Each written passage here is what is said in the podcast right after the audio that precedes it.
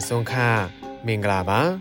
ရှမ်းတော်စင်မြန်မာပိုင်းရဲ့ podcast အစီအစဉ်ကနေပြန်လည်ကြိုဆိုလိုက်ပါတယ်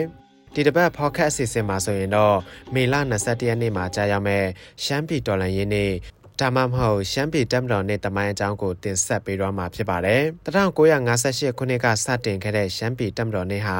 အခု2023ခုနှစ်နဲ့ဆိုရင်တော့65နှစ်တိုင်ခဲ့ပြီဖြစ်ပါတယ်။ရှမ်းပြည်တော်လှန်ရေးနေ့မေ21ရက်နေ့ဟာဘလို့ပေါ်ပေါက်ခဲ့လဲဘယ်သူတွေနဲ့စတင်ခဲ့လဲဆိုတဲ့အကြောင်းကိုရှမ်းတော်စင်သတင်းထောက်နောင်နောင်နောင်ကနေတင်ဆက်ထားပါတယ်။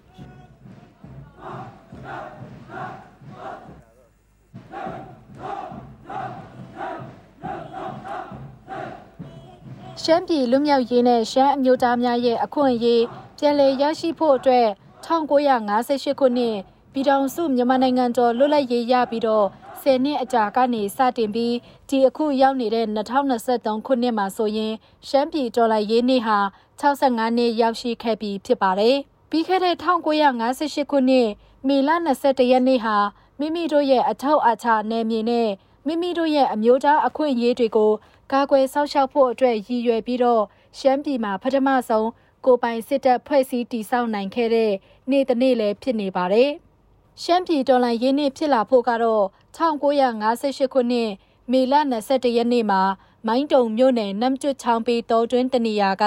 ရှမ်းလူငယ်32ဦးစုစည်းပြီးတော့ရှမ်းပြည်လူမျိုးရေးအတွက် တွေးတစ္ဆာရေးတောက်ခဲ့ပြီးလက်နက်ကင်တော်လှန်ရေးလမ်းစဉ်ကိုစတင်ခဲ့တဲ့နေ့ဖြစ်တဲ့အတွက်ရှမ်းတော်လှန်ရေးနေ့အဖြစ်တတ်မှတ်ခဲ့ကြတာဖြစ်ပါတယ်။ဒါကြောင့်ဒီမေလ21ရက်နေ့ဟာရှမ်းပြည်တပ်မတော်နေ့ရှမ်းပြည်တပ်မတော်ဖွဲ့စည်းတဲ့နေ့နဲ့ရှမ်းပြည်အမျိုးသားတွေပထမဆုံးစီးမြင့်စည်းကမ်းအတိအကျရှိတဲ့စစ်တပ်ထံမှစစ်မှုထမ်းတဲ့နေ့ဖြစ်တယ်လို့လည်းဆိုနိုင်ပါတယ်။ရှမ်းပြည်တော်လှန်ရေးနေ့တော့မဟုတ်ရှမ်းပြည်တပ်မတော်နေ့ဖြစ်တဲ့မေလ21ရက်နေ့ဟာ မိမိတိုင်းပြည်နဲ့အမျိုးသားကိုကာကွယ်စောင့်ရှောက်ဖို့အတွက်ရှမ်းပြည်အမျိုးသားရဲ့တမိုင်းဝင်နှိထူးနေမြတ်ဖြစ်တဲ့အကြောင်းရှမ်းပြည်မျိုးဆက်တစ်တွေရဲ့နှလုံးသားထဲမှာထာဝရအမတ်ရနေစေဖို့လေ့လာစီးပူးထားတင်ပါတယ်။တော်လန်ရေးဆိုတဲ့ဝေါ်ဟာလာဟာလူရင်ကျေးမှုတစ်ခုတရားမျှတမှုမရှိတဲ့အခါမှာတော်လကောင်းဖိနှိပ်မှုပေါ်ပေါက်လာတဲ့အခါမှာတော်လကောင်းတဦးနဲ့တဦးတစ်ဖွဲ့နဲ့တစ်ဖွဲ့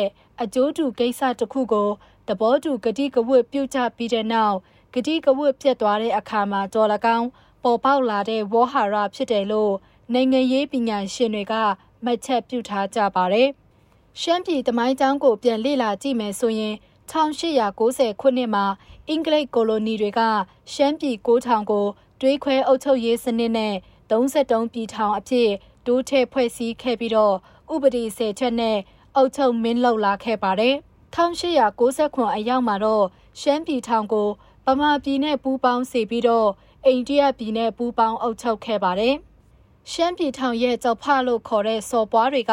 အကြိမ်ကြိမ်အရေးဆူခဲ့တဲ့အတွက်ကြောင့်1930ခုနှစ်မှာရှမ်းပြည်ထောင်ကိုဗမာပြည်နယ်ကနေခွဲထွက်စေပြီးတော့အရင်ကအင်္ဂလိပ်မင်းရဲ့လက်အောက်မှာအဆောက်အအုံခံပြည်ထောင်အဖြစ်ပြန်ထားရှိခဲ့တာ1940ခုနှစ် ပင်လုံစာချုပ်ချုပ်ဆိုနိုင်ခဲ့တဲ့ကာလအထိဖြစ်နေပါတယ်။ရှမ်းပြည်ဟာပမာပြည်နဲ့ပူးပေါင်းပြီးတော့လွတ်လပ်ရေးရယူဖို့ဗြိတိရှအစိုးရရဲ့ကိုယ်စားလှယ်မစ္စတာပွတ်စထရမ်လီနဲ့ဒုတိယပုံမူကြီးယစ်ဝီရီယန်တို့ကိုတက်တေအဖြစ်ထားရှိပြီးတော့တစ်ပြည်ထောင်စုစနစ်ဖြစ်ရမည်နှစ်တရားမျှတမှုရှိရမည်သုံးကိုပိုင်ပြဋ္ဌာန်းခွင့်ရှိရမည်နဲ့လေးခွဲထွက်လိုတဲ့အခါခွဲထွက်နိုင်ခွင့်ရှိရမည်ဆိုတဲ့ ပြည်ထောင်စုစိတ်တက်ကိုအခြေခံထားတဲ့နှုတ်ကတိ၄ချက်နဲ့အတူ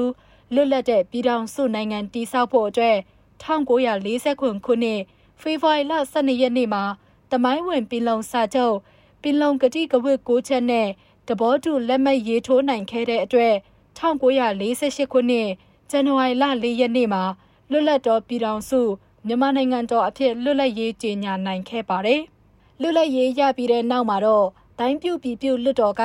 ပြည်ထောင်စုဓမ္မတမြန်မာနိုင်ငံတော်ရဲ့အခြေခံဥပဒေရေးဆွဲတဲ့အခါမှာအခန်း30ပုံမှန်131 132 133တို့ကနေရှမ်းပြည်ထောင်စုတည်ဆောက်တဲ့အခါပြည်내တစ်ခုအဖြစ်ပူးပေါင်းပါဝင်စေပြီးတော့10နှစ်ပြည့်တဲ့အခါကျင်းနဲ့နှစ်တက်မှုမရှိရင်ပြည်ထောင်စုကနေခွဲထွက်လို့ကဥပဒေရဲ့လှုပ်ထုံလှုပ်နည်းအရာခွဲထွက်နိုင်ခွင့်ရှိရမည်ဆိုပြီးတော့ထည့်သွင်းရေးသားထားပါတယ်။ ရှမ်းပြည်ထောင်ဟာပြည်내တစ်ခုအဖြစ်ပမာပြည်နဲ့ပူးပေါင်းပြီးတော့ပြည်တော်စုအမိခံ10နှစ်နီးပါးရောက်ရှိလာတဲ့အခါမှာတော့ပညာရေးစီးပွားရေးလူအခွင့်ရေးလူဘဝပြည်လဲထူထောင်ရေးနဲ့အရေးပါဆုံးဖြစ်တဲ့အုပ်ချုပ်ရေးအာဏာခွဲဝေရေးစတာတွေဟာရှမ်းပြည်အမျိုးသားရဲ့ရည်မှန်းချက်နဲ့ကိုက်ညီတာတခုမှမရှိဘဲ1940ခုနှစ်ကချုပ်ဆိုခဲ့တဲ့ပြည်လုံကတိကဝတ်6ချက်ကိုလည်းရယူစံစားခြင်းမရှိတဲ့အတွက် ရှမ်းပြည်အမျိုးသားများကစည်ရဲမွဲတည်ခြင်းဒိုင်းပြည်မတီမငိမ်ဖြစ်ခြင်းစတဲ့ရလဒ်တွေကိုဒါခံစားခဲ့ရပြီးတော့စစ်အာဏာရှင်ဆန်ဆန်ပမာစစ်တပ်ကကြိုးကင်ပြီးတော့လူခွင့်ရေးကျူးလွန်ဖိနှိပ်မှုတွေကိုခံခဲ့ရပါတယ်။အခွင့်အရေးဆုံးရှုံးမှုကိုလက်မခံနိုင်တော့တဲ့အတွက်1958ခုနှစ်မှာမိမိတိုင်းပြည်ရတင်ရထိုက်တဲ့အခွင့်အရေးတွေကို ပြန်လည်ရရှိဖို့အတွက်တော်လန်ရေးစစ်တပ်တီထောင်ခဲ့ပြီးတော့ တော်လန်ပုံကန်ခဲ့ကြတဲ့အခါမှာ1958ခုနှစ်မှာနုံစကဟန်တော်လန်ရေးတပ်ဖွဲ့ NSA တပ်ဖွဲ့ကိုတော်၎င်း1960ခုနှစ်မှာရှမ်းပြည်လွတ်လပ်ရေးတပ်မတော် Shan State Independent Army SSIA ကိုတော်၎င်း1964ခုနှစ်မှာဝန်ဟိုင်းအခြေဆိုင်ရှမ်းပြည်တပ်မတော် Shan State Army SSA ကိုတော်၎င်း1969ခုနှစ်မှာတော့ ရှမ်းပြည်တော်လှန်ရေးတပ်မတော် SURA ကိုတော်၎င်း1985ခုနှစ်မှာတော့ရှမ်းပြည်တပ်မတော်မုံတိုင်အာမီ MTA ကိုတော်၎င်း1996ခုနှစ်မှာဆိုရင်တော့ရှမ်းပြည်တပ်မတော်ရှမ်း State Army လို့ခေါ်တဲ့အခုဒီရှမ်းပြည်တောင်ပိုင်းလွယ်တိုင်းလျန်းအခြေဆိုင် RCSS SSA ကိုတော်၎င်းဖွဲ့စည်းတည်ဆောက်ခဲ့ပြီးတော့ တော်လှန်ရေးလှုပ်ရှားမှုတွေကို2011ခုနှစ်တည့်ရက်ဆဲရေးကာလအထိနှစ်ပေါင်း90ကျော်အောင် KSS တိုက်ပွဲဝင်လှုပ်ရှားလာခဲ့ပါတယ်1958ခုနှစ်ကနေစတင်ပြီးတော့ရှမ်းတော်လှန်ရေးပေါ်ပေါက်လာရတဲ့အကြောင်းကတစ်ပြည်ထောင်စုအစိုးရကရှမ်းပြည်အမျိုးသားတွေရဲ့အခွင့်အရေးတွေကိုမတရားနှိပ်ကွပ်ခြင်းနှစ်ဗမာပြည်ကောင်းဆောင်တွေက1940ခုပင်လုံကတိကဝတ်ကို မလိုက်နာတဲ့အပြင်တစ်ဖက်ဆောင်လှုပ်ဆောင်လာခြင်း၃ ပမာတက်မတော်ဖက်ကလည်းမဟာပမာလူမျိုးကြီးဝါဒကိုကျင့်သုံးလာခြင်းစတဲ့အကြောင်းတွေကြောင့်ဖြစ်ပေါ်လာရခြင်းဖြစ်ပါတယ်။ဒီကနေ့2023ခုနှစ်မေလ21ရက်နေ့ဟာရှမ်းပြည်ဒေါ်လာရင်းနေ့65နှစ်တိုင်ခဲ့ပြီးဖြစ်ပါတယ်။ပုံရီမှန်းချက်တွေချမှတ်ခဲ့ကြပေမဲ့မြို့ချစ်တက်မတော်တွေကတော့အချင်းချင်းကြားတိုက်ပွဲတွေဆက်လက်ဖြစ်ပွားနေကြပြီးတော့ပြည်သူတွေကအိုးအိမ်ဆွလွတ်လေယာတွေပစ်ပြီးတော့ထွက်ပြေးနေကြရပါတယ်။ဒါကြောင့် ရှမ်းပြည်ဒေါ်လာရေးရက်တီချက်ကိုရှမ်းမျိုးချစ်တက်မတော်နှစ်သက်အနေနဲ့လည်းပြည်သူမျက်နှာကိုထောက်ထားပြီးတော့ပြန်လည်တုံးတက်ကဖက်ဒရယ်အမန်ဖော်ဆောင်သွားဖို့စုမုံကောင်းတောင်းလိုက်ပါတယ်ရှင်။